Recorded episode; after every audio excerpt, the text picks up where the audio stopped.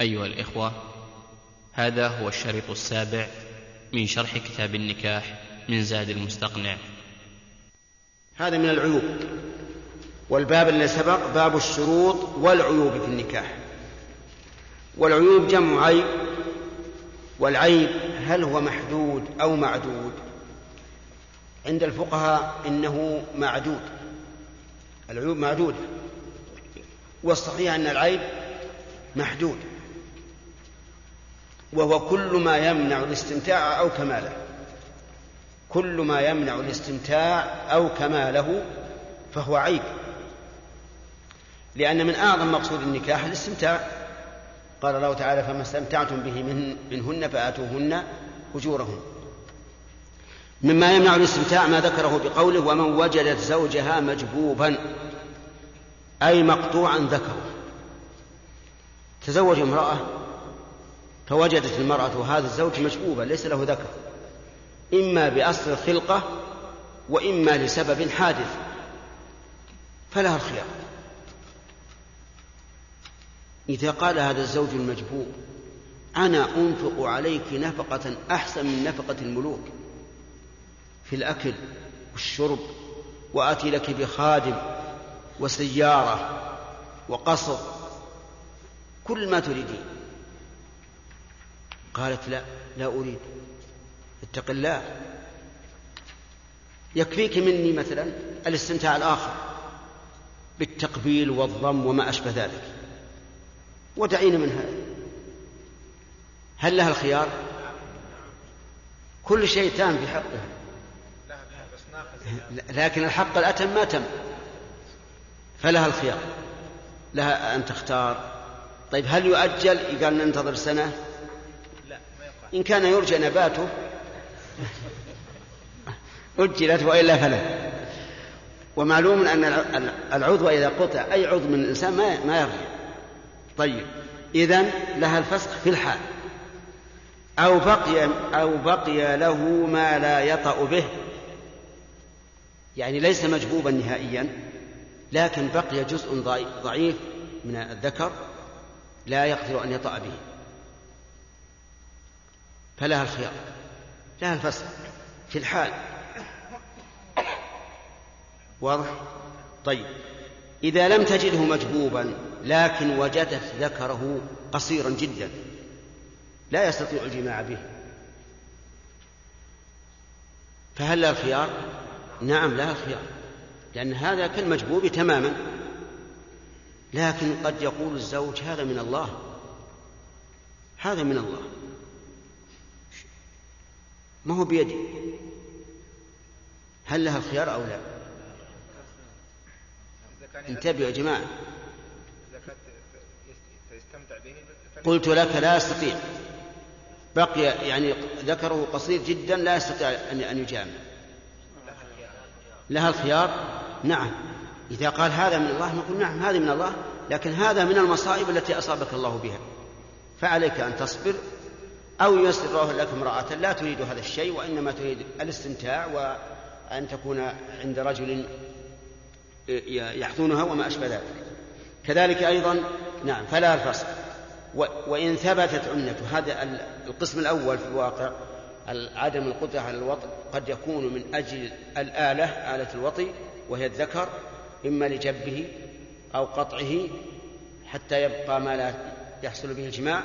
أو لصغره بحيث لا يجامع.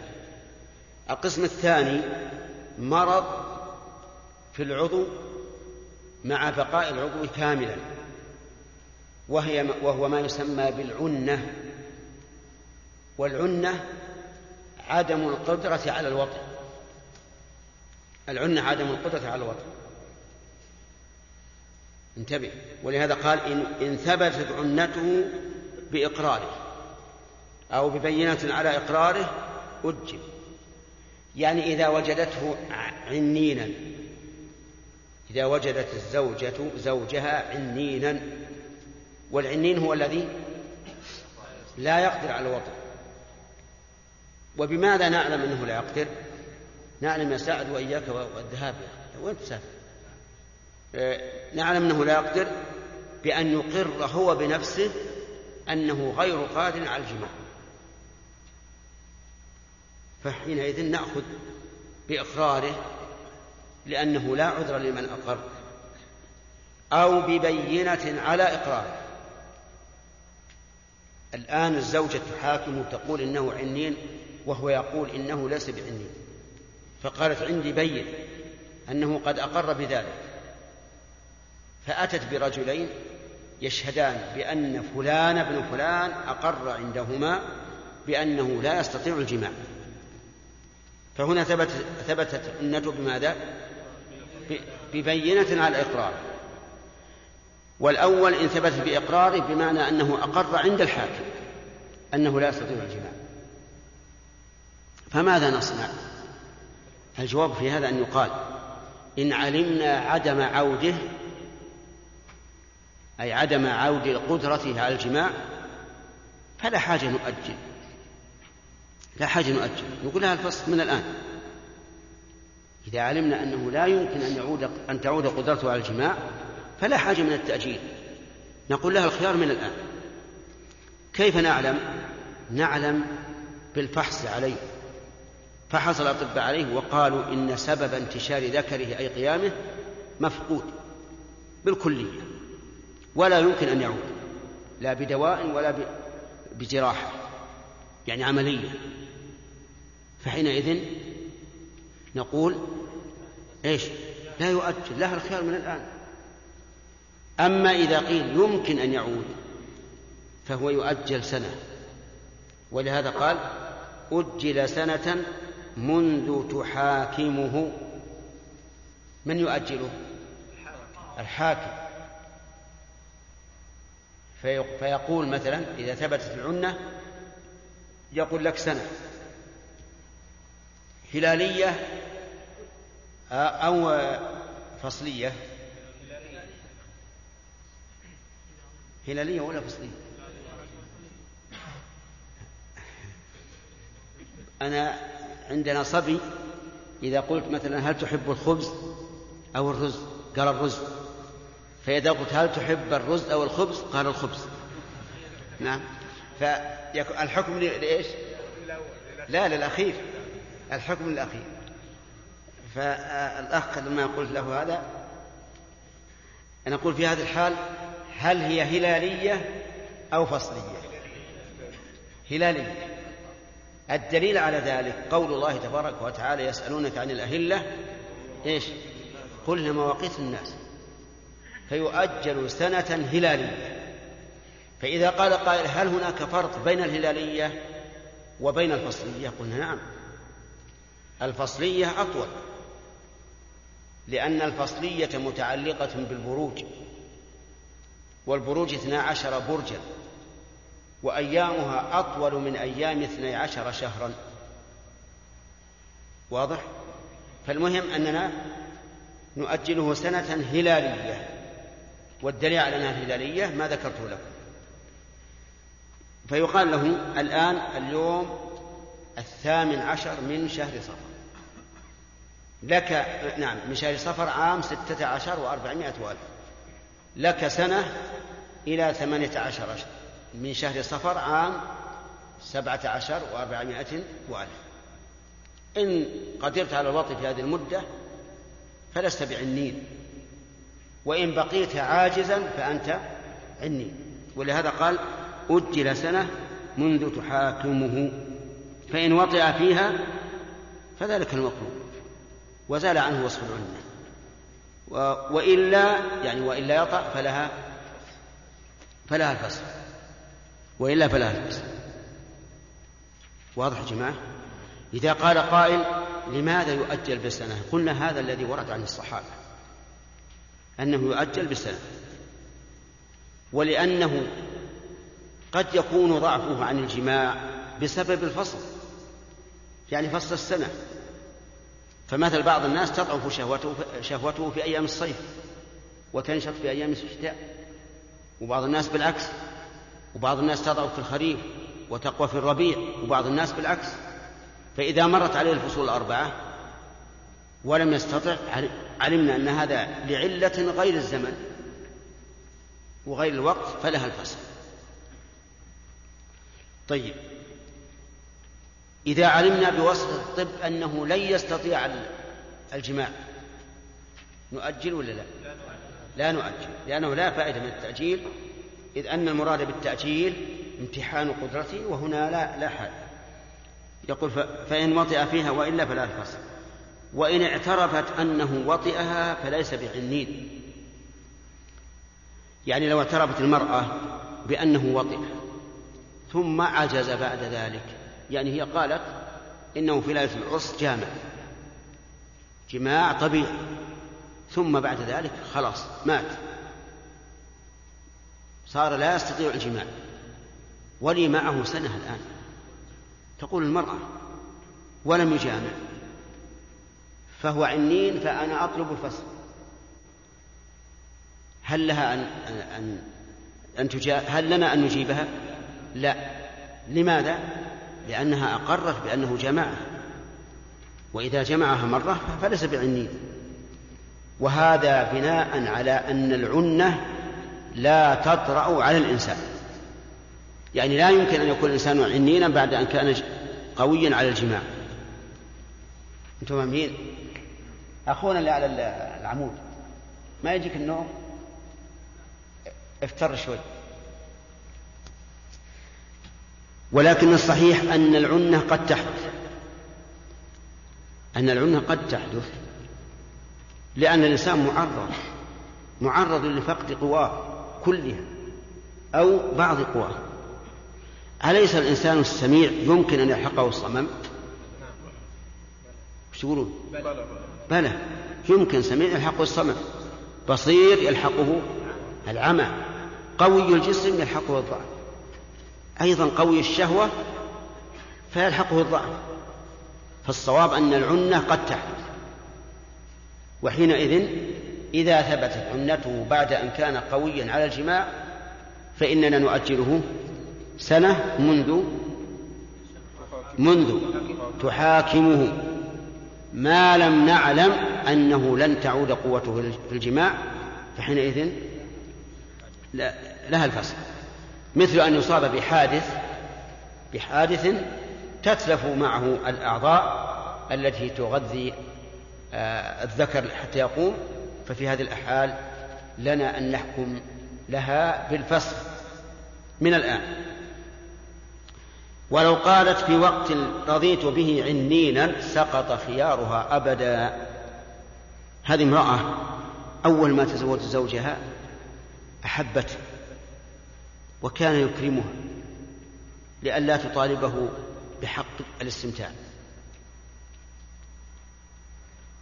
فسئلت عن الزوج قالت والله الزوج رجل طيب لكنه عنين لا يستطيع القدرة على الجماع لا يستطيع الجماع.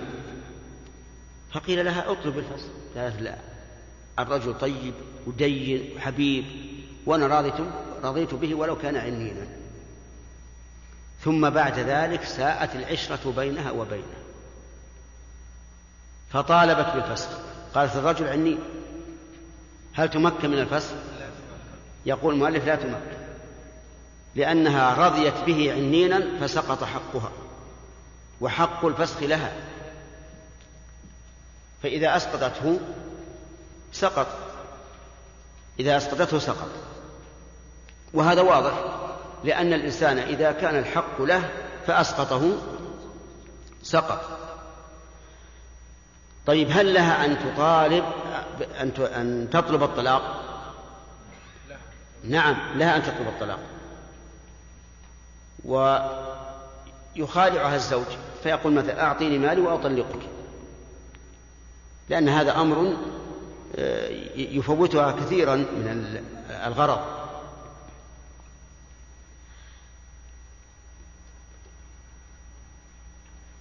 ولعلكم تذكرون قصة المرأة التي طلقها زوجها ثلاثا. فتزوجها رجل يقال له عبد الرحمن بن الزبير ولكنه لا يستطيع الجماع. فجاءت إلى النبي عليه الصلاة والسلام فقالت إن زوجي فلانا طلقني فبت طلاقي وإني تزوجت بعده عبد, عبد الرحمن بن الزبير وإنما معه مثل هدبة الثوب وأخذت ثوبها قالت مثل هدبة الثوب. فتعجب الصحابة منها. كيف تقول هذا عند الرسول عليه الصلاة والسلام؟ فقال لها أتريدين أن ترجعي إلى رفاعة؟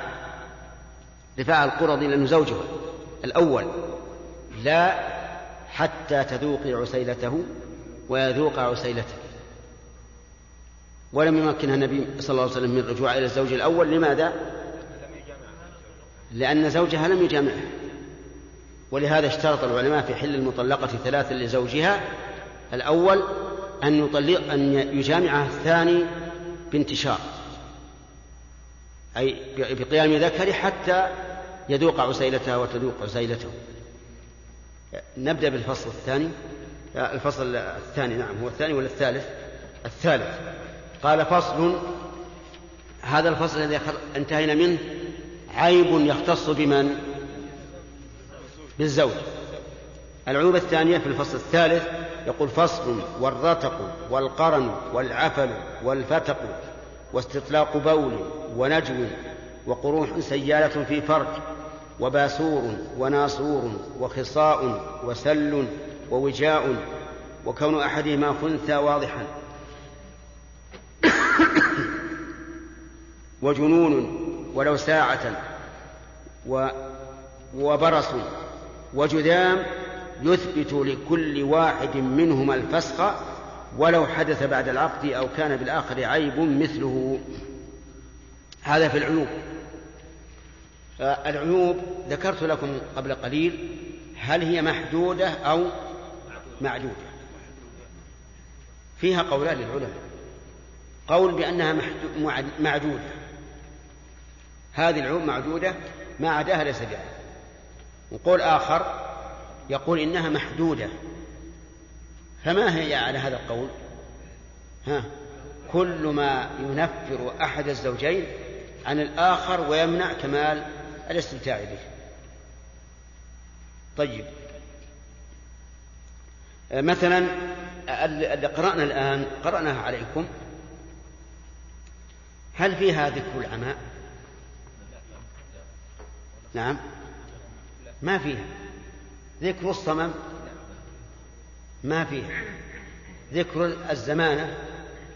يعني يكون محرول. المرأة أو الرجل محرول ما يمشي. إيش؟ مذكور ولا لا؟ لا ليس مذكور. ناخذ أدنى واحد منها. وش أقل واحد منها؟ نعم. لا يمكن الباسور قد يكون من أسهله. الباسور بواسير الآن الحمد لله سهلة. يسوي الإنسان عملية كأنما يخرج شوكة من رجله وتنتهي. وجد مثل بزوجته باسورا فقال هذا عيب لي الفصل قالوا يمكن الآن نعالجه في المستشفى بيومين تمشي. قال لا أبدا. أنا أريد الفصل وآخر آخذ المهر كامل. أما الآخر فدخل على زوجته. فوجدها عمياء صمة يكلمها يا فلانة أقصى ما يكون من النطق. تقول ها؟ نعم. يريها الأشياء الجميلة. يقول شوفي هذه. وتقول ما؟ وتقربها العينة ما تشوف شيء. هل له فصل؟ ليس له فصل. هذه الزوجة الآن تكون عالة عليه ولا متعة له؟ تكون عالة عليه ولا فيها دواء. بينما الباسور ولو كان خفيفا يعتبر عيبا. وبهذا نعرف أنه لا يمكن أن نجعل العيوب معدودة أبدا. نقول محدودة. أي إنسان يعلم علم اليقين أن رجلا لو أدخل على امرأة فوجدها عمياء صماء كله يعرف أن هذا غلط وهذا غرر. وغش للزوج وخداع وكذلك هي لو دخل عليها وجدت الرجل أحدب أعمى أصم يمشي على العصا معتقده أن الرجل شاب وأنه قوي ونشيط. هل هذا عيب ولا غير عيب غش ولا غير غش؟ والله غش ما أنا أشد من هذا الغش ونقول ليس لها خيار. سبحان الله. ولو كان به باسوب يمكن يعالج بيوم واحد في المستشفى قالوا قال هذا عيب. فالحاصل إن شاء الله يأتي الكلام على التفصيل في الدرس القادم. لكنه لكن هذا يبين لنا أن العلماء رحمهم الله مهما بلغوا من العلم فإنه لن يكون علمهم تاما ولن يكونوا معصومين. نعم. أحسن الله إليك. الرجل إذا ثبتت عنته يعني وأراد أن يأخذ المال الذي أنفقه على المال؟ بين المهر و... أبدا مال ولا قرش. أبدا المرأة تفسخ ولا له شيء. لكن سيأتينا إن شاء الله هل الفسخ بالعيوب يحتاج إلى القاضي أو لمن له الحق أن يفسخ بدون شيء؟ نعم.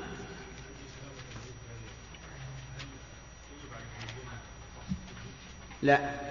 لا لا. الأصل السلامة. أما قول بعض الناس يعني الحقيقة الذي نسميهم متزمتين متنطعين. يقول لابد أن يبحث على الزوج والزوجة. هل يصح يتزوجون أو لا؟ نقول له ما ما هو صحيح. ما هو الزوج والزوجة لحم نبي نشوف نختبره؟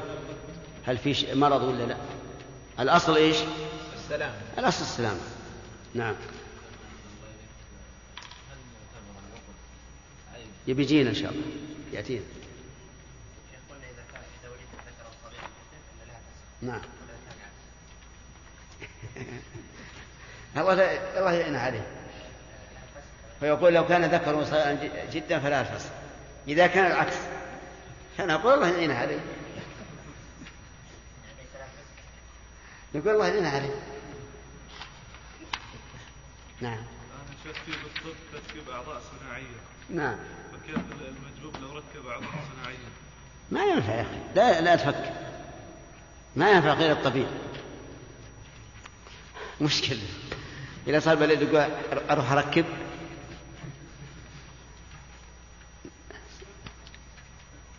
يلا. ما في أسئلة؟ نعم. ها؟ أنت. إيش؟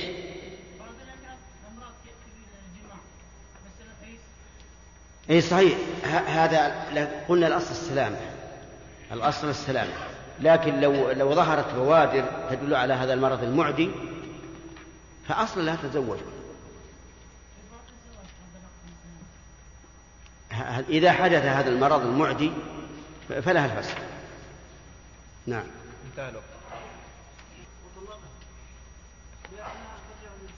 لا لا تحل.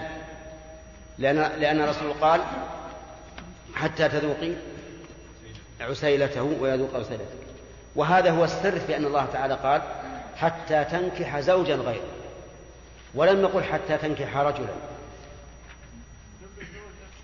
ها؟ كيف؟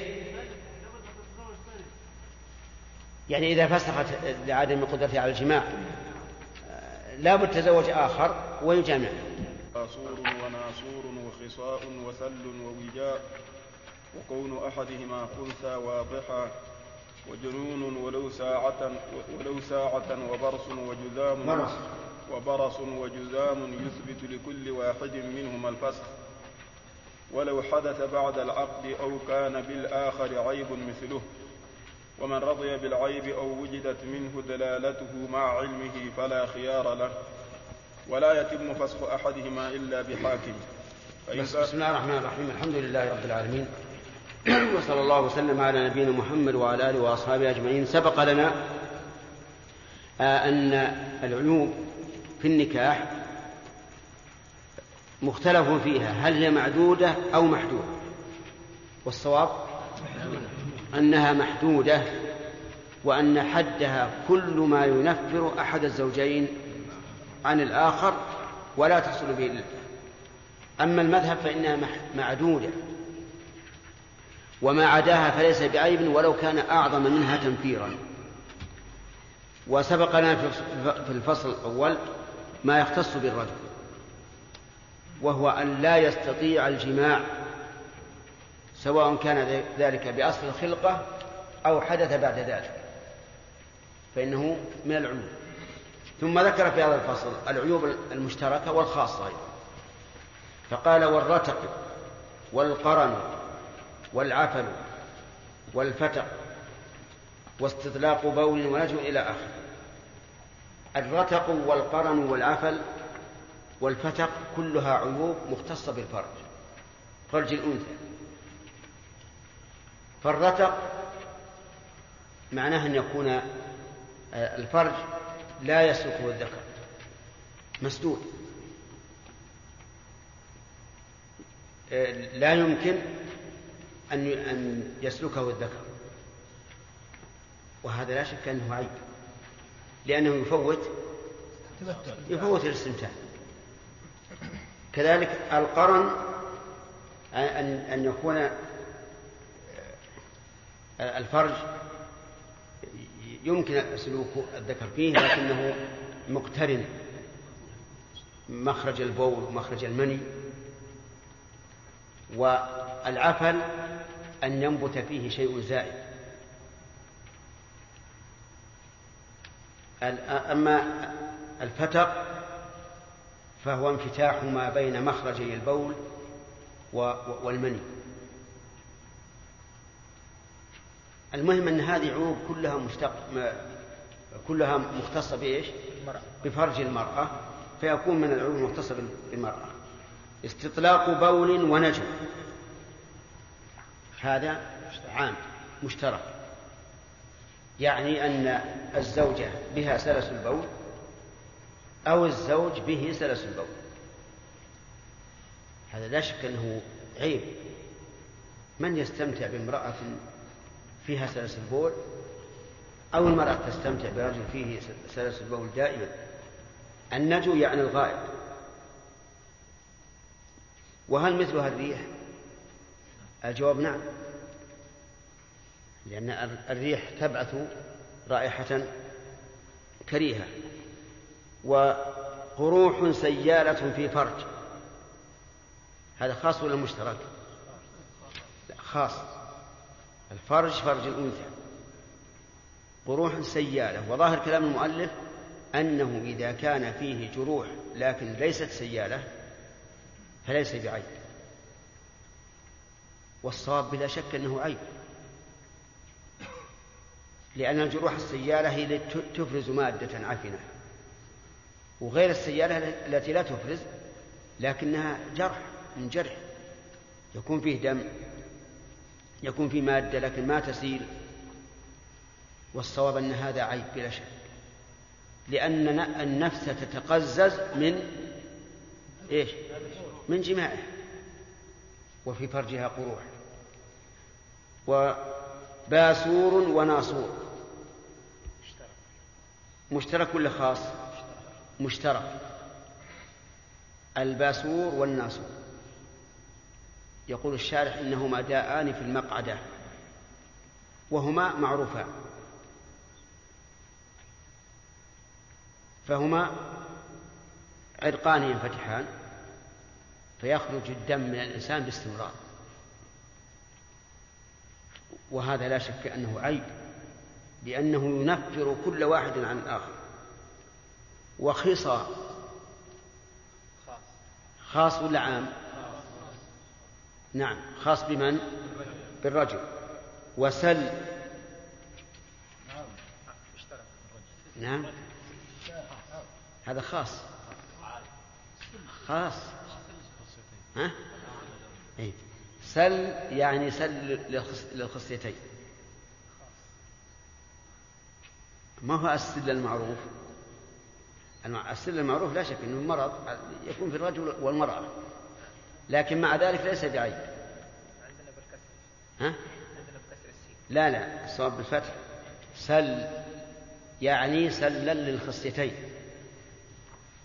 طيب لماذا كان سل الخصيتين وخصاؤهما عيبا؟ لأنه يبطل الشهوة إما بالكلية وإما يضعفها جدا. ثم إنه أيضا يمنع من النسل. لأن النسل إنما يكون بالمني والمني لا يطبخه إلا الخصيتان وإذا فقدت الخصيتان فلا فلا فلا نسل. بل ولا جماع كامل. ما الفرق بين الخصاء والسل؟ الخصاء أن تقطع الخصيتين مع الجلد والسل يفتح الجلد وتسل الخصيتان ويبقى الجلد كما هو. هذا هو الفرق. ووجاء الوجاء بمعنى الرض يعني ترض الخصيتان فهذا أيضا عيب. طيب وكون أحدهما خنثى واضحا هذا عيب أيضا. يكون الرجل خنثى واضحا. له ذكر. يجامع به كما يجامع الذكر. لكن له فرج فرج أنثى. سواء كان فوق آلة الذكر ولا تحتها. هل المرأة تتلذذ برجل يجامعها وله فرج؟ نعم. أبدا ما تتلذذ. طيب ولو كان خنثى واضحا.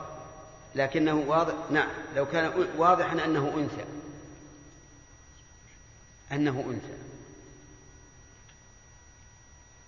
في هذه الحال كيف يجامع الإنسان أنثى لها على الذكر وممكن بعد يمكن عند الجماع ينتشر هذا الذكر ومشكل. على كل حال كون أحدهما خنثى واضحا لا شك أنه عيب ومن أكبر العيوب. طيب وكون أحدهما خنثى مشكلا؟ ها النكاح لا يصح. ولهذا لم يقل خنثى وسكت بل قال خنثى واضحا لأن الخنثى المشكل لا يصح نكاح لا أن يكون لا باعتباره أنثى ولا باعتباره ذكر. طيب وجنون ولو ساعة. إذا كان أحدهما يجن ولو مرة واحدة في السنة فهذا عيب. نسأل الله العافية. و نعم. إيش بعده؟ وبرص. وبرص وجذام البرص داء معروف. وهو عبارة عن اختلاف لون الجلد إلى بياض. هذا عيب. وظاهر كلام المؤلف لا فرق بين أن يكون كثيرا أو قليلا. يعني لا فرق بين أن يكون الإنسان كله والعياذ بالله انقلب إلى إلى برص أو قليلا متوزعا في الجسم ظاهرا أو قليل متوزع في الجسم باطنا. أو لا وجه ذلك أنه أطلق قال برص. ولم, ولم يقل برص يعم. ولم يقل البرص ظاهر. أطلق. وعلى هذا فلا يكون بين كتفيه بقعة من البرص كعين الجرادة. تعرفون عين الجرادة؟ أين؟ نعم. فهو عيب ولا غير عيب؟ عيب هذا عيب لها أن تفسخ وكذلك بالعكس لو كان في المرأة فله أن يفسخ وجذام الجذام مرض معروف والعياذ بالله إذا أصاب الإنسان مات لأنه يسعى يسعى إذا أصاب أحد الأعضاء أجرنا الله وإياكم من الشر فإنه يسعى حتى يقضي على الإنسان. الجذام لا شك أنه عيب. بل إنه يجب الفسخ إذا علمنا أن أحدهما أصابه جذام وجب الفسخ لأن الجذام معدي واضح واضحة عدواه. حتى إن العلماء قالوا يجب على السلطان أن يعزل الجذم في مكان واحد. لئلا يختلطوا بالناس فينتشر هذا الداء. طيب وظاهر كلام المؤلف أنه وإن أمكن دواء الجذام لأنه إذا أمكن فإما أن يمكن بقطع العضو كاليد مثلا لو أصاب اليد. إذا قطعت يده فهذا لا شك أنه ها؟ عيب. وإما أن يكون, أن يكون بالأدوية فالأدوية الغالب أنها لا تنجح فيه قال يثبت لكل واحد منهما الفصل إلى آخره. نعم يثبت لكل واحد منهما الفصل. منهما الضمير يعود على الزوجين. فلو وجد الإنسان زوجته لو وجد, لو وجد في زوجته قرنا فله الفصل. ولو وجدت في ولو وجدت أن زوجها مجهول نعم. يعني خص قصد ما هو مجهول المجهول سبق أمس. لو وجدت أن زوجها خصي فلها الفصل قال المؤلف ولو حدث بعد العقد. ولو حدث بعد العقد وهذه إشارة خلاف. لأن من العلماء من يقول إذا حدث هذا بعد العقد وهو لا يتعدى ضرره فليس لها الفصل إذا حدث وهو لا يتعدى ضرره فليس لها أن تفسخ. مثل استطلاق البول. يعني لو أن الزوج أصابه سلس البول. فليس لزوجته الفسخ على القول الصحيح. لأن هذا شيء حدث. وكذلك لو حدث به برص وقال الأطباء إنه لا يعدي فليس له الفصل لأنه لم يضرها وقال أو كان بالآخر عيب مثله فله الفصل. يعني لو قالت الزوجة إن زوجي أبرص فيه برص. فأنا أريد الفصل وكانت هي أيضا برصاء فلها الحق أن تفسخ. عرفتم؟ طيب فإذا طالبت بالفصل وقال لما قال لك؟ قالت لأن فيك برص قال وأنت فيك برص يقول هكذا ولا لا؟ نعم يقول هكذا. لكنها تقول إن الإنسان ينفر من عيب غيره ولا ينفر من عيب نفسه. صحيح هذا ولا صحيح؟ صحيح. الإنسان ينفر من عيب غيره ولا ينفر من عيب نفسه. ولذلك تجد الإنسان يستنجي ويمس النجو بيده لكن لو قيل له مس آه، آه، نجو فلان ما يستطيع. أبدا. بينما هو بكل سهولة يغسل النجوى من من دبره ويمس الخارج. ولا يرى في هذا بأسا أليس كذلك؟ طيب. شيء شيء آخر. الإنسان يتمخط ولا يرى ذلك عيبا في نفسه. لكن لو تمخط إنسان أمامه نعم تقززت نفسه. صحيح؟ إذا إذا قال أنت برصاء تقول نعم هي برصاء لكن الإنسان ينفر من عيب غيره ولا ينفر من عيب نفسه. لكن عاد يبقى إذا كان قد علم بأنها برصاء فليس له خيار وإن لم يعلم فله الخيار. وحينئذ يرجع على من غره أو يسقط المهر في هذه الحال. نعم. هو هو هو, هو غار وهي مغرور ومغرور أيضا. هنا لا لا يرجع كيف يرجع؟ لأنها هي أيضا تقول أنا أريد الفصل. وإذا أردت الفصل فلي المهر كاملا. لي المهر كاملا. وقد نقول إنه يرجع على من غره لكن من غره لا يرجع عليها لأنها هي أيضا مغرورة.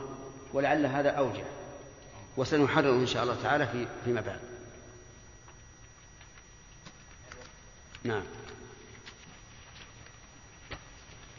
نعم. ما وضحت مسألة سبقت ما وضحت الآن. وهي؟ قلنا أن أن المرأة تطلب الخيار شهرا مثلا. تقول لي الخيار شهر.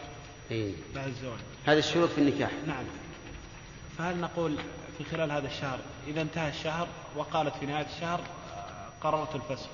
قبل بعد بعد انتهاء الشهر لا لا لا تملكها. قبل نهاية الشهر. لا هذا وكيف يكون المهر؟ خاصة أنه قد يكون دخل عليها وكذا نعم. هو ينبغي إذا اشترط الخيار ألا لا يستمتع بها. كما قلنا فيما لو باع بعيرا واشترط الخيار ما ما يستعملها. تبقى حتى يتبين هذا أو هذا. فنقول الآن ما دام لها الخيار لا تقربها فإذا فإن كان قد دخل بها فالخيار لها بأن تقول أنا أريد فسخ النكاح وتفسخ النكاح. يسمى طلاقا؟ و... لا لا يسمى فسخا. نعم.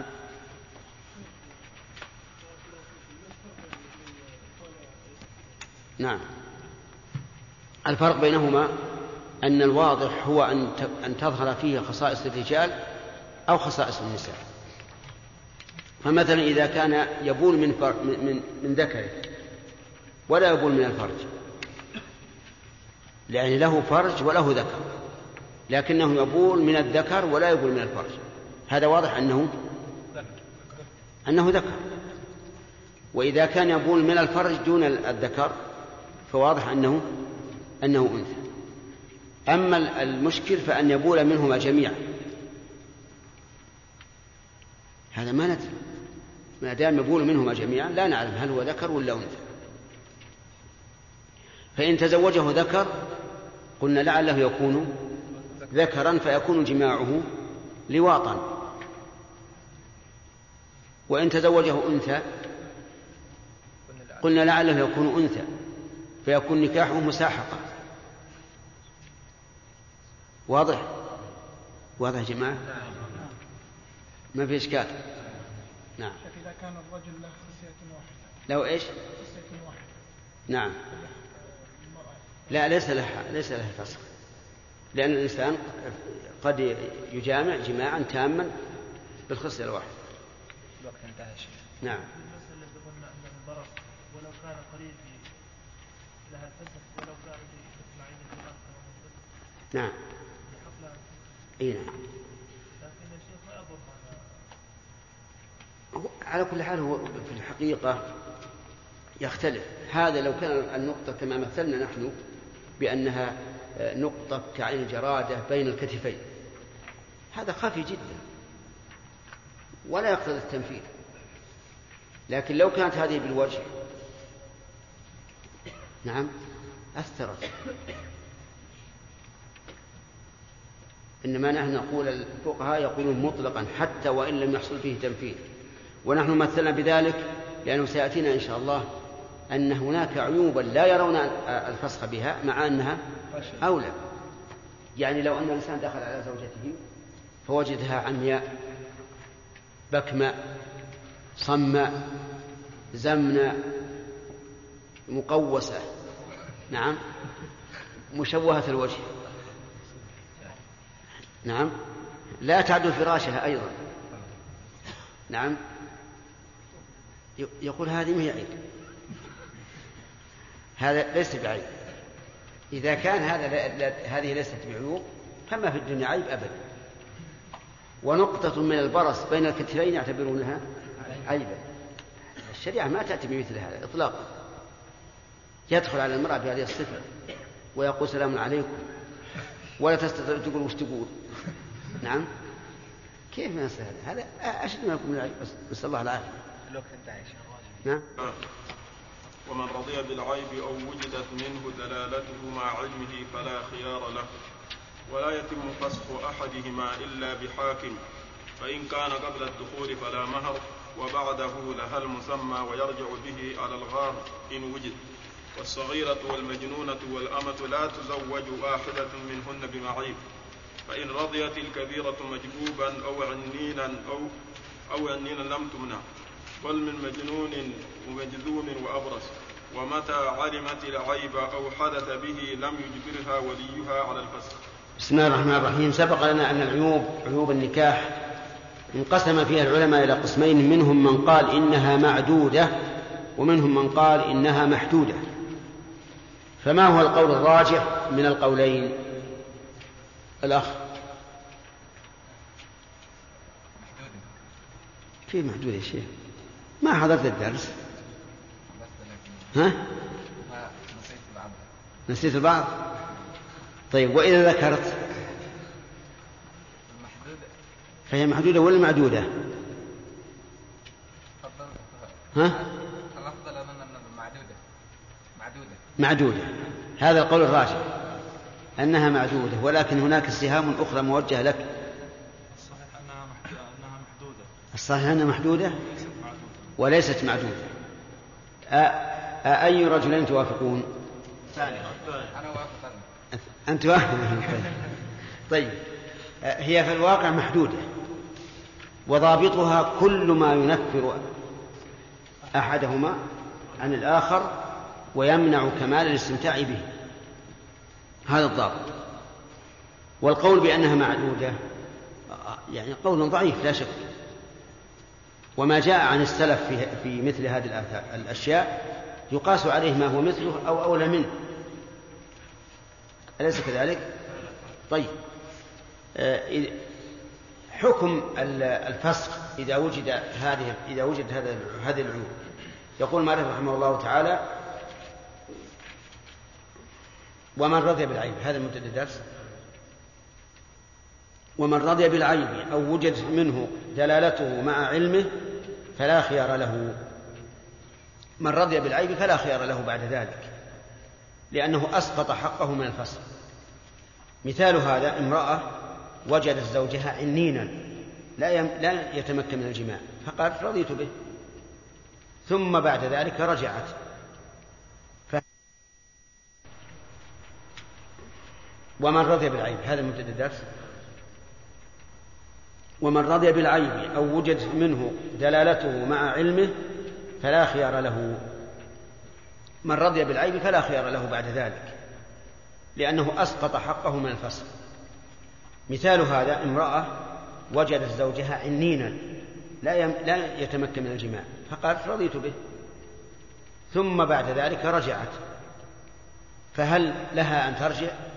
لا آه، وجدت زوجها فيه برص فرضيت به. ثم عادت لتطالب بالفسخ فلا يمكن أن- تفسخ. وهل مجرد ووجه ذلك أي وجه كونها إذا رضيت فلا خيار لها أن الحق لها وأسقطته. وقولها أو وجدت منه دلالته مع علمه وجدت منه دلالته أي دلالة الرضا مع علمه أي بالعين. فالضميرين مختلفان. وجدت منه دلالته الضمير يعود على الرضا مع علمه أي بالعين. إنه يعلم الغيب العيب مثاله امرأة مكنت نفسها من زوجها. تمكينها من زوجها وهو معيب دليل على الرضا. واضح؟ لكن إذا كانت لا تعلم فإن حقها من الفسخ لا يسقط وإن كانت تعلم فإن حقها من الفسخ يسقط. لأن تمكينها زوجها من الاستمتاع بها مع علمه بها مع علمها بالعيب دليل على على رضاها بذلك. فلا فلا يكون لها فسق بعد بعد هذا. فإن مكنته من من نفسها وهي لم تعلم فما الحكم؟ لها الخيار إذا علمت لأن تمكينها صادر عن غير علم. ولا يتم فسخ أحدهما إلا بحاكم. لم يقل لا يتم فسخها ولم يقل ولا يتم فسخه بل قال أحدهما لأن العيب قد يكون في الزوج دون الزوجة أو في الزوجة دون الزوج. إلا بحاكم إذا سمعتم كلمة حاكم في كلام الفقهاء فالمراد به القاضي. المراد به القاضي. قول الله تعالى يا داود إنا جعلناك خليفة, خليفة في الأرض فاحكم بين الناس بالحق. فإذا وجدت المرأة في زوجها عيبا وقالت أريد الفسخ ثم أشهدت رجلين وقالت إني قد فسخت النكاح. فإنه لا يتم الفسخ لماذا؟ لأنه ليس ليس بحكم حاكم حتى تذهب إلى القاضي وتطلب منه أن يفسخ النكاح وإلا فلا. إذا قال قائل لماذا يفتقر هذا الأمر إلى فسخ الحاكم مع أن هذا حق له؟ أرأيتم لو وجد بالسلعة التي اشتراها عيبا هل يفسخ؟ أو يذهب إلى الحاكم ويقول افسخ. الأول يفسخ. فلماذا لا يكون هذا مثله؟ قلنا هذا لأنه عقد نكاح فيحتاط له أكثر. ولأنه ربما يأتي قاض يرى أن هذا العيب الذي من أجله فسخت ليس عيبا. فيحكم ببقاء إيش؟ ببقاء النكاح. فإذا ذهب إلى الحاكم وفسخ وفسخ العقد صار هذا حكما وحكم الحاكم لا ينقض. ولأن ذلك أحوط في الواقع. أحوط لئلا يقع النزاع. قد يقول الزوج هذا ليس بعيب وتقول هي إنه عيب وما أشبه ذلك. إذا تم الفسخ فهل عليها عدة؟ وهل لها مهر؟ أو ماذا؟ نقول أما مسألة العدة فإن كان بعد الخلوة أو الدخول يعني الجماع فإن عليها العدة. وإن كان قبل ذلك فلا عدة عليها لأن كل فراق يكون بين الزوجين قبل الدخول والخلوة فإنه لا عدة فيه. يقول رحمه الله فإن كان قبل الدخول فلا مهر. هذا مسألة المهر. أيضا إذا كان قبل الدخول يعني والخلوة فلا مهر. ليش؟ هي لأن العيب إن كان فيها إن كان فيها فهي المتسببة له. وإن كان في الزوج فهي التي اختارت الفسق فليس لها مهر. أنتم معنا؟ طيب. نقول إذا كان قبل الدخول والخلوة فلا مهر. لماذا؟ لأن العيب إن كان في الزوج فهي التي فسخت فسخت العقد وإن كان فيها فهي السبب السلام عليكم.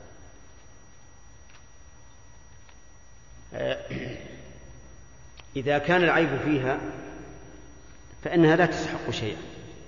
وهذا واضح. لأنها هي السبب في الفسخ. فإذا كانت هي السبب في الفسخ فليس لها شيء. مثال ذلك عقد على امرأة وبعد أن عقد عليها ثبت عنده أنها رتقاء. رتقاء. لا يمكن أن مجامعتها ففسخ النكاح. هل هل لها مهر؟ لا. لأنها هي السبب. طيب. عقد على امرأة ولم يدخل عليها ثم تبين أن الرجل عنين لا يستطيع الجماع. ففسخ.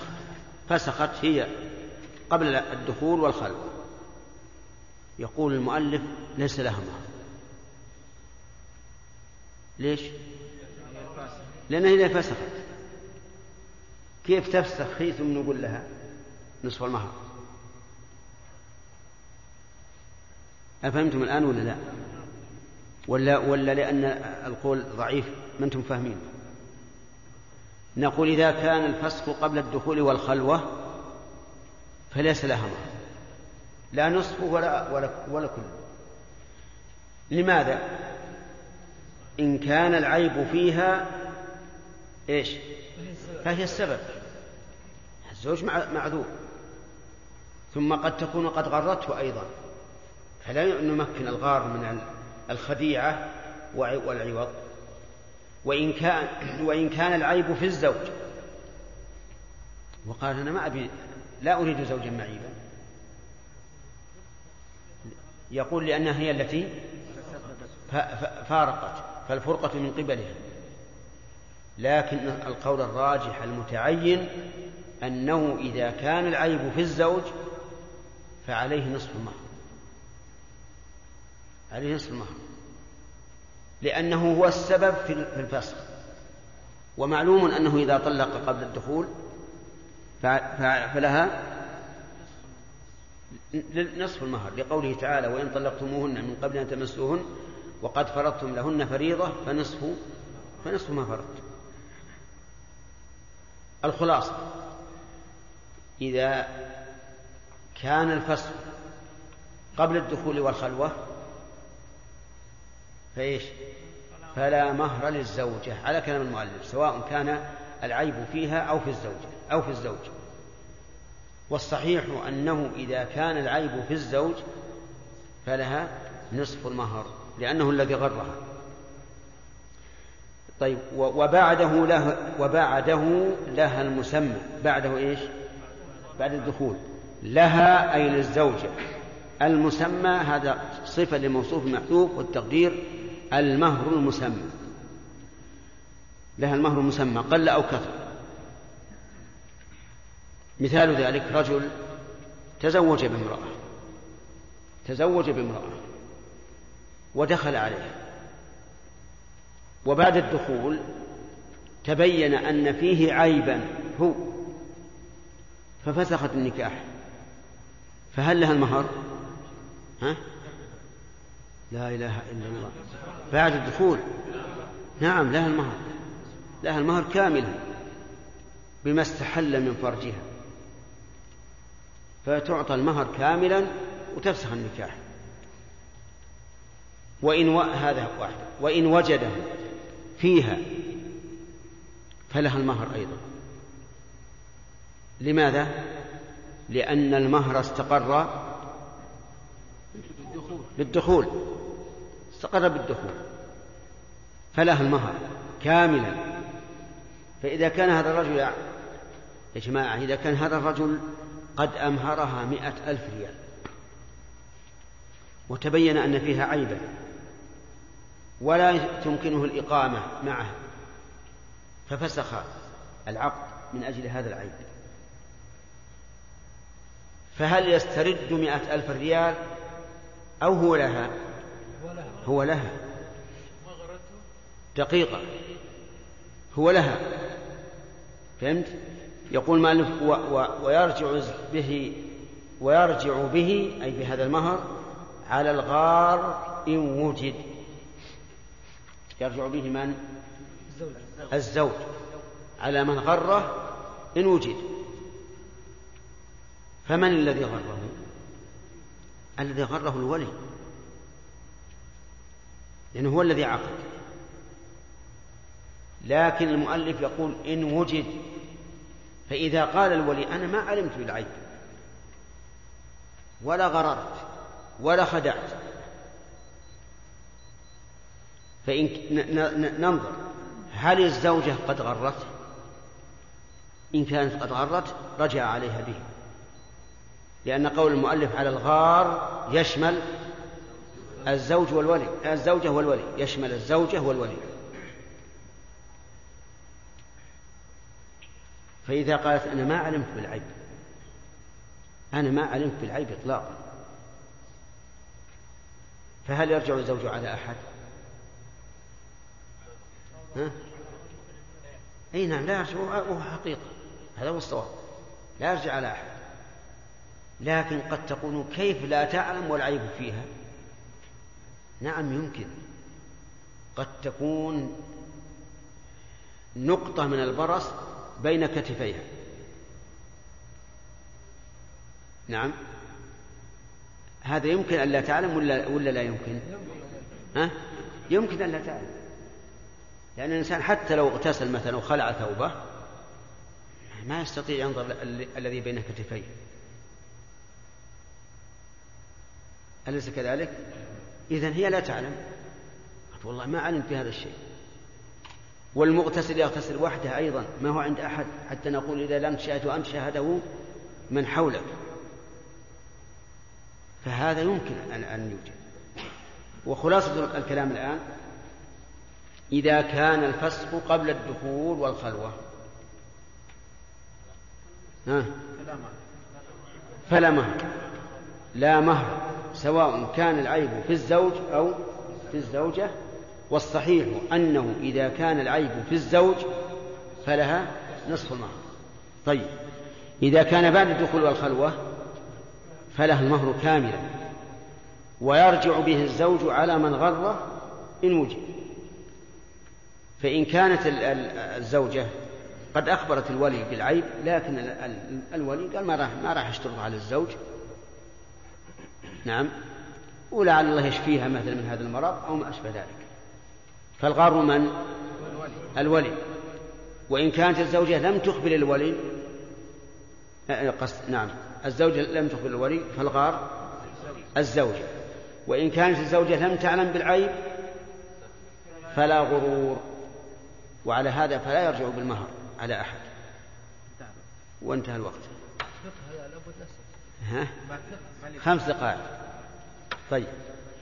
بارك خمس. دقائق. نعم. قلنا أن إذا كان العيب من الزوج نعم. فإن إذا كان فسخ منها والعيب من الزوج فإنه عليه نصف المهر قبل قبل الدخول الخلوة كيف؟ إذا كان الفسخ منها نعم. لعيب في الزوج. نعم. قبل الدخول الخلوة فيتقرب نصف المهر. أي نعم. واستدلنا بالآية. نعم. لو قيل لنا يا شيخ أن الآية دليل علينا لا لنا نعم. لأن الله عز وجل قال وإن طلقتموهن. نعم. الفاعل هو الزوج. نعم. طلاق منه. وهنا الطلاق من الزوجة أو من الفسخ. الفسخ. نعم. والمصلحة لها. نعم. فلا فلا مع أي لكنه غرها غرها فيكون كالمطلق. إذا هذا من باب شيخ. أي نعم. باب التأجيل وباب ال- ال- الواقع. لأنه, لأنه لما كان هو السبب صار كأنه هو الفاعل سبب تفسرها أن أن فيه عيبا مكتوما. لكن هي لم تخسر بل هي الرابحة. نعم. نعم. هي الآن لم تخسر. بل هي الرابحة. لا أبدا إلا خسرت. خسرت. لأن بعض الناس إذا عقد على المرأة صارت من مرغوبة. نعم. العيوب الصحيح فيها أنها محدودة. نعم. فإن اختلف الزوج والزوجه إيه. هذا يقول أن هذا عيب؟ الزوج يقول أنه عيب الزوجه تقول لا هذا ليس عيب. يرجع إلى أهل الخبرة. يرجع إلى أهل الخبرة ولا بعض الناس نعم مثل ما قلت. ربما مثلا يكون أنفه مثلا ليس مستقيما م- مفرطح يقول هذا عيب. أنا لو درت أن أنفه على هالصفة ما ما ما خطبت. وهو ليس بعيب. المهم يرجع إلى أهل الخبرة الدخول الجماع. الوقت انتهى. نعم. محجوب. انتهى؟ نعم. خمسة دقائق سريعة يا شيخ. نعم. إيش؟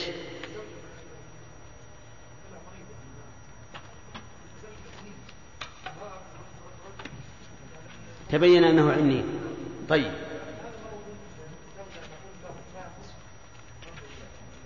كيف؟ الفصل. نعم. نعم. نعم. لمن؟ لكن الفراق قبل الدخول ما فيه إلا النصف. أبد. لا لا ابدا ما, فيه إلا النصف. وفسخت قبل الدخول. أحسنت. سمعتم الجواب؟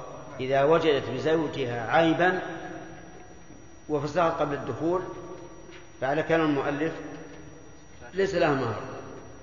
وعلى القول والراجح لها المهر لأن الفسخ بسببه. لها نصف المهر لها نصف المهر لأن الفسخ بسببه.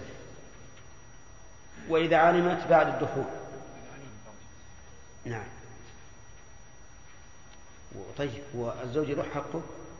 ويعود الزوج على من غره إن وجد طيب. صح. إذا كان بعد الدخول فإن لها المهر كاملا. لأن النبي صلى الله عليه وسلم قال لها المهر بالمستحل من فرجه. في غير هذه المسألة وإذا ويرجع الزوج به على من؟ غره. طيب فإن لم يوجد غار ولا؟ لوراء للجميع نعم. لا الولي ما ما أدري. وهي أيضا لم تعلم. كيف؟ شو يرجع للزوجة. الزوجة ما علمت. يعني هي ما ما غرت الزوج.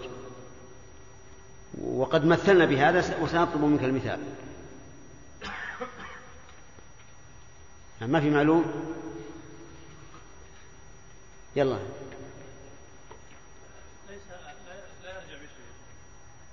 لا إله إلا الله. مئة ألف سلم في المهر. تروح عليه هكذا. إيش يقولون يا جماعة؟ صحيح؟ نعم صحيح. لأنه ما في أحد غره. والله عز وجل قد يقدر الخسران على شخص بأي سبب من الأسباب. طيب هل يمكن أن أن تكون صورة ليس فيها غرور؟ نعم. طيب. ترى ما هو شرط بين كتفيها لكن هذا المثال اللي ذكرنا. طيب. ممكن يكون في الظهر أيضا. الإنسان أحد منكم يستطيع أن ينظر إلى ظهره؟ لا أبدا. إلا بمراية والإنسان ما راح يفتش. طيب. هذه صورة ما فيها غرور فلا يرجع الزوج على أحد. طيب. بارك الله فيك. ثم نعم. إيه؟ لا هو الفسخ ثابت لكن الكلام على المهر. ولا الفسخ له ذلك. لكن الكلام على المهر. فأما على المذهب المذهب المسألة واضحة. إذا فسخ قبل العقد قبل الدخول فإنه ليس لها مهر سواء فيها عيب أو ما فيها.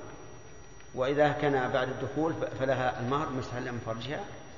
والظاهر أن هذا ينبني على ما ذكرنا سواء كان في الآخر عيب مثل أم لا. طيب يقول رحمه الله وإن والصغيرة والمجنونة والأمة لا تزوج واحدة منهن بمعيب. الصغيرة لا تزوج بمعيب ولو علم الولي بذلك لأن هذا من خيانة الأمانة فإذا علم الأب مثلا أن هذا الخاطب فيه عيب وهو أنه لا يقدر على الجماع فإنه لا يزوج الصغير لا يزوج الصغيرة ولو كانت بنته. لماذا؟ لأن هذا من باب خيانة الأمانة. وكذلك الصغيرة والمجنونة لا تزوج بمعيب وظاهر كلام المؤلف ولو كان ذلك لمصلحتها مثل أن نزوجها رجلا لا يستطيع الجماع فظاهر كلام المؤلف أنها لا تزوج وفي هذا نظر بل يقال إن المجنونة إذا رضيت آه نعم إذا كان من مصلحتها أن تزوج هذا المعيب فلنزوجها لأن المجنونة كما تعلمون لا يرغبها كل لا يرغبها كل الناس. لكن يأتيها إنسان مثلا فيه عيب ويقول أنا أستمتع بها وأصبر على جنونها فهل من المصلحة ألا تزوج؟ أن تزوج. من المصلحة أن تزوج. وعلى هذا فقول فيكون في, في إطلاق المؤلف فيما يتعلق بالمجنونة نظر. ويقال إن المجنونة تزوج بالمعيب إذا كان العيب لا يتعدى إلى نسلها أو إلى ضرر فيها. فالذي يتعدى إلى النسل مثل البرص والذي يتعدى إلى إلى إلى ضررها هي أقول المجنونة تزوج معي بشرط أن لا يكون عليها في ذلك ضرر أو أن وأن لا يتعدى عيبه إلى إلى نسلها طيب هل تزوج بأجدم؟ لا لا. يعني مجذوم لأن لأن هذا يتعدى إلى نفسها لا مو إلى نفسها إلى نفسها هي ضرر عليها ضرر. إذ أن الجذام مرض معدي. وهل تزوج بأبرص؟ يتزوج. لا. لأن هذا يتعدى إلى النسل. يتعدى إلى النسل. الغالب أن البرص يكون وراثي فعلى هذا نقول المجنونة ليست على ما قال المؤلف أنها لا تزوج بمعيب بل نقول إذا اقتضت المصلحة أن تزوج بمعيب فإنها تزوج بشرط أن لا يتعدى ضرر العيب إليها أو أو إلى نسلها. مثال المتعدي إليها الجذام والمتعدي إلى نسلها البرص. تمام؟ آه، كذلك يقول الأمة لا تزوج بالمعيب وإن كان السيد يقول هذه أمتي أنا أزوجها من شئت نقول لا يا أخي هذه أمانة فلا تزوجها بمعيب وظاهر كلامه ولو كانت كبيرة ولو رضيت بعيب لا يتعدى ضرره. وهذا فيه نظر. بل إذا كانت كبيرة ورضيت بمعيب لا يتعدى عيبه لا يتعدى ضرر عيبه إليها فالصواب أن ذلك جائز. لأنه قد يكون عند الإنسان أمة لا يريدها ولا يشتهيها. ولكنها شابة تطلب النكاح. فإذا تقدم إلى خطبتها أحد من الناس وفيه عيب لا يتعدى ضرره فما المانع من أن, نتزو... أن نزوجها؟ لأنها بالغة عاقلة رشيدة ترضى بهذا العيب. فتبين الآن أن الأمة فيها أيضا إيش؟ فيها تفصيل كما أن المجنونة فيها تفصيل على القول الراجح. فإن رضيت الكبيرة وش نقول؟ الكبيرة العاقلة الحرة. لأن لأنه سبق أن أن الصغيرة والأمة لا تزوج بمعيب مطلقا. إن رضيت الكبيرة العاقلة الحرة مجبوبا أو عنينا لم تمنع. لماذا؟ لأن الحق في الجماع لها. فإذا رضيت بالمجبوب الذي لا يستطيع الجماع فلها ذلك ولا نمنعه فإذا قال أبوها مثلا قال أنا أريد أن يكون لك أبناء وبنات قالت ما عليك مني؟ أنا أريد هذا الزوج إما لعلمه أو ماله أو خلقه أو غير ذلك ولا لا يستطيع الجماع لكن تقول ما أريد الجماع. أنا أريد أن أتصل بهذا الشخص الذي أنا, أنا أرضاه. فهل يمنعها أو لا؟ لا يمنعها. لماذا؟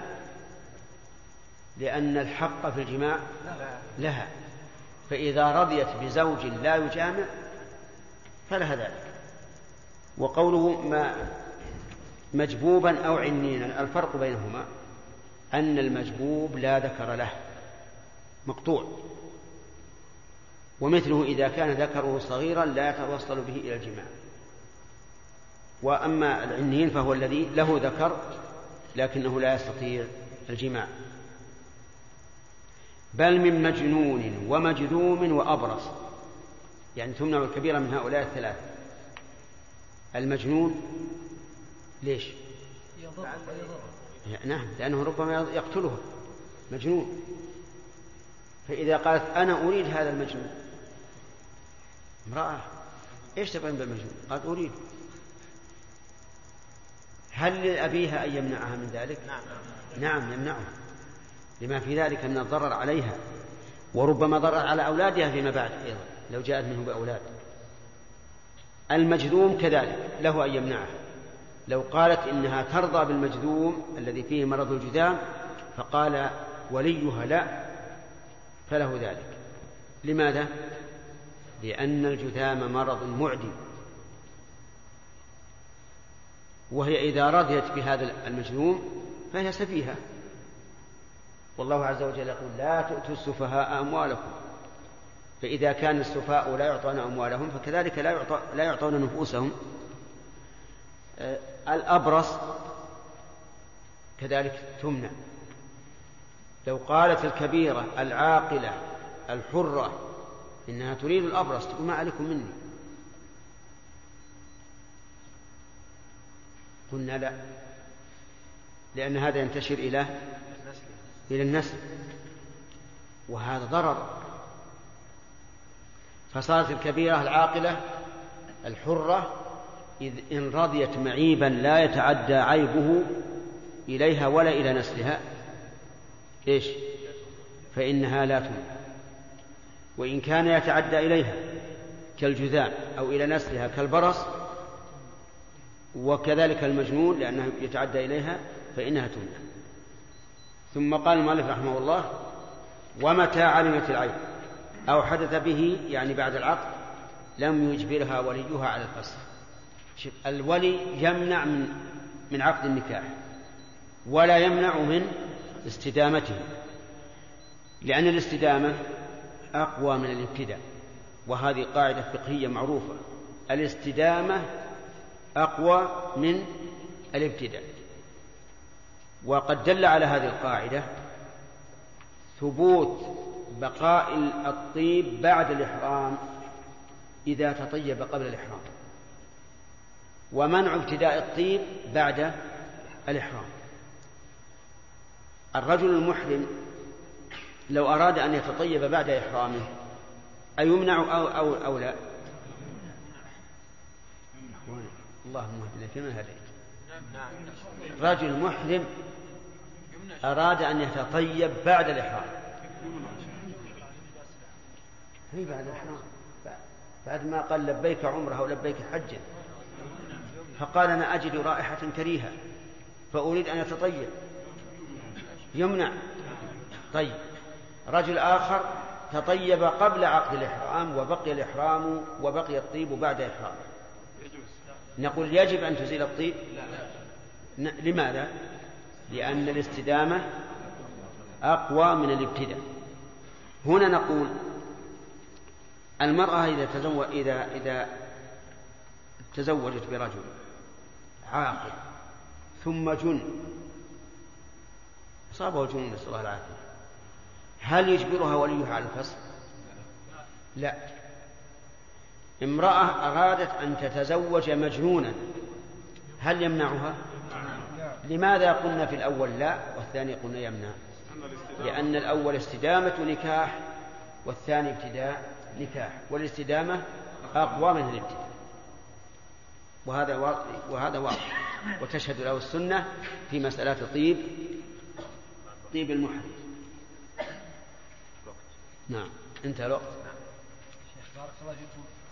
لو غاب ولي المرأة الأقرب ثم زوجها ولي التالي لها ثم أتى ووجد مجنون. وهو الزوج بأصل مجنون فهل له أن يطلقها منه؟ لا. هذا لكن ال- ال- الولي الأبعد زوجها على وجه شرعي ولا غير وجه شرعي؟ طيب إذا النكاح صحيح الآن. وهي راضية المرأة. ولا غير راضية؟ راضية. خلاص. النكاح صحيح. نعم. إيش؟ إيش فيه؟ ها. علم الجذوم هو الذي أصيب بمرض الجذام عرفت الآن؟ ما عرفت المجذوم الذي أصيب بمرض الجذام نعم. طيب. الجذام هذا مرض معدي. تقرح في الأعضاء وأكثر ما يقع في الأعضاء الرقيقة. مثل الأبط والثندؤتين وما أشبه ذلك. مرض تتقرح الأعضاء منه ويدب على بقية الجسد حتى يقضي على الإنسان. وهو سريع السريان وسريع الانتشار. ولهذا قال العلماء يجب على السلطان أو من ينوب منابه أن يعزل الجذماء في مكان خاص. لئلا يتعدى جذامهم إلى الأصحاء وهذا ما يعرف عندنا في الوقت الحاضر بالحجر إيش؟ بالحجر الصحي عرفت الآن ولا لا؟ فمن هو المجذوم؟ كيف تجيبني بما أنكرت علي بالأول؟ طيب مرض الجذام ما هو نعم أحسنت نعم. الذي قال لا عدوى ولا طيئة هو الذي قال فر من المجذوم فرارك من الأسد. فعلى هذا لا بد من أن نجمع بينهما. الجمع بينهما قال قال العلماء إن المراد بالعدوى المنفية هي العدوى التي كان يعتقدها أهل الجاهلية بمعنى أنه لا بد أن ينتقل المرض إلى الصحيح. وهذا ليس كذلك. وأما فر من المجنون فهذا أمر بتوقي الأسباب توقي أسباب المرض ولما قال الرسول عليه الصلاة والسلام لا عدوى ولا طيرة أورد عليه الأعرابي إيرادا حقيقيا. فأجاب عنه الرسول عليه الصلاة والسلام بجواب مقنع. قال يا رسول الله كيف لا عدوى؟ والجمل الأجرب يأتي إلى الإبل في الصحراء كأنها الرمل يعني من آه، حسنها ونقائها ثم تجرب. وهذا صحيح ولا صحيح؟ طيب كيف نقول لا عدوى قال النبي صلى الله عليه وعلى آله وسلم فمن أعدى الأول. يعني من الذي من الذي أتى بالجرب معروف. من هو؟ الله عز وجل. فالذي ينقل العدوى إلى الصحيح الله عز وجل. وإذا شاء لم ينقلها واضح؟ طيب. شيخ بالنسبة إذا غضب أقل غضب يعني تغير ويمكن غضب لا. لا هذا مو ملحق بالمجنون ليش؟ لأن الغضب له سبب. قد لا يوجد السبب. والمجنون نسأل الله العافية جنونه ثابت. لسبب ولا لسبب لا لكن يخرج عن كثير من الناس يخرج عن طوره لا سيما بالوقت الحاضر. بالوقت الحاضر الناس لا يصبرون. كان الناس عندهم بالأول صبر على وتحمل على الأمور المخالفة لهواهم. أما الآن لا يصبرون. مجرد ما يحصل أدنى مخالفة تجده يغضب غضبا شديدا. لو تعطيه الزوجة الشاهي لكنه مر شوي. على طول. أنت بالطلاق الثلاث. نسأل الله العافية. هذا شيء مجرد يعني نسمع عنه من كثر من يستفتينا بهذا السبب. يقول ليش أنت؟ قال والله صار بيني وبين نزاع جيت من الدوام متعب. قلت سوي لي شاهي وجابت لي شاهي مر. نعم هذا موجود. فالغضب الآن لا تستنكر. الغضب نسأل الله العافية كثر في الناس لأنه ما عندهم تحمل ولا صبر. الوقت انتهى. انتهى الوقت؟ طيب ناخذ درس.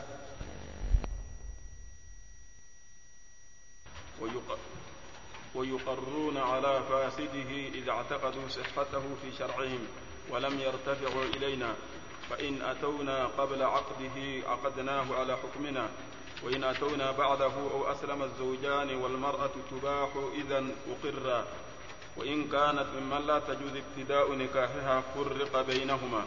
وإن وطئ حربي وإن وطئ حربي حربية فأسلما وقد اعتقداه نكاحا أقرا وإلا فسخ ومتى كان المهر صحيحا أخذته وإن كان فاسدا وقبضته استقر استقر وإن لم تقبضه ولم يسمى فرض لها مهر مثل. بسم الله الرحمن الرحيم. آه، سبق لنا في باب العيوب أن من النساء من يمنع من التزوج بالمعيب. يعني لا يزوجن بمعيب مطلقا فمن هي؟ والمجنون. صح. ومن ومن النساء من تمنع من التزوج بمن هو معيب بعيب مخصوص. نعم. وهي الكبيرة ذرية. تمنع. لا ما تمنع. أنا أسأل نقول من تمنع؟ تمنع إذا كان العيب يتعدى إليها أو إلى ذريتها. مثل؟ مثل الجذام أو البرص. نعم صح. طيب لكن لو رضيت بذلك ووليها تركها. تركها تركها. يعني يلزم بأن يمنعها؟ يلزم. توافقون على هذا؟ لكن الآن هي هذه الكبيرة تزوجت بمعيب. هل يملك وليه وليه؟ أرادت أن تزوج هل يملك وليها أن يمنعها؟ الكبيرة. مطلقا. ها؟ مطلقا. يمنعها من كل معيب؟ ها؟ مثل؟ وغيره. والجنون. طبعا الجنون غالب يتعدى. والثالث أجل ما هي العيوب التي إذا رضيتها إذا رضيتها الكبيرة أقرت على ذلك؟ أو عنينا لأن الجماع حق لها فإذا رضيت بإسقاطه فلها ذلك. طيب إذا وجد العيب بعد العقد وهو مما يتعدى فهل يجبرها على الفسخ؟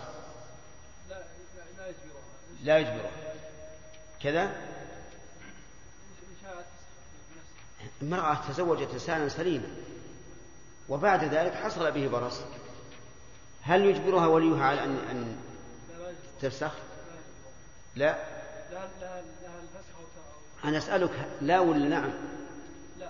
التعليل بعدين لا يجبرها لماذا؟ لأنها من مص- من حقها و- والاستدامة؟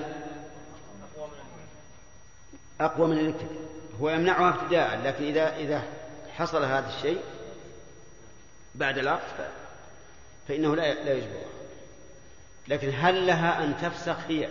السؤال لك. نعم. لها ذلك إذا كان عيب لأن العيب إذا حدث بعد العقد فل- فلمن له الحق أن يفسخ كما سبق. أما نكاح الكفار فاستمع إليه. يقول حكمه كنكاح المسلمين. حكم نكاح الكفار كنكاح المسلمين في إيش؟ في الصحة وما يترتب عليه. فإذا تزوج الكافر امرأة صارت زوجته يحل له جماعها وأولادها منه أولاد شرعيون وتحرم عليه أمها ويحرم عليه ابنتها إذا كان قد دخل بها وكذلك هي يحرم عليها أبوه وجده وابنه وإن نزل.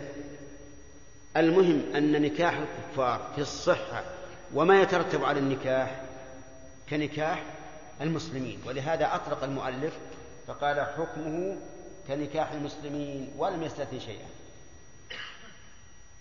دليل ذلك أن النبي صلى الله عليه وعلى آله وسلم كان يسلم الرجل ومعه أهله ولا يسأله لا يقول كيف عقدته بل يبقيه على ما هو عليه ويجري عليه أحكام النكاح الصحيح. هذا دليل. التعليل أنه لا يمكن العمل إلا بهذا لأننا لو عملنا بغير ذلك لحصل بهذا نفور عن الإسلام وفوضى عظيمة في الأنساب وغير الأنساب وغير الأنساب. لهذا كان حكم نكاح الكفار كنكاح المسلمين في كل ما يترتب عليه من صحة أو فساد أو مهر أو مصاهرة أو غير ذلك. لكن يقول يقول المؤلف ويقرون على فاسده بشرطين إذا اعتقدوا صحته في شرعهم ولم يرتفعوا إلينا. يقرون على فاسد بهذين الشرطين. إذا اعتقدوا صحته في شرعهم وإذا لم يرتفعوا إلينا. فما لو تزوج مجوسي ابنته نسأل الله العافية ولم يرتفع إليه هل نجب نفرق بينهما؟ تزوج بنته يا جماعة. لأنه يعتقد صحة هذا. المجوس يعتقدون صحة نكاح المحارم. فإذا تزوج ابنته ولم يرتفع إلينا ما لن نتركه. لا نفرق بينهما. لماذا؟ لأنهم يعتقدون صحته. ولو تزوج يهودي بنته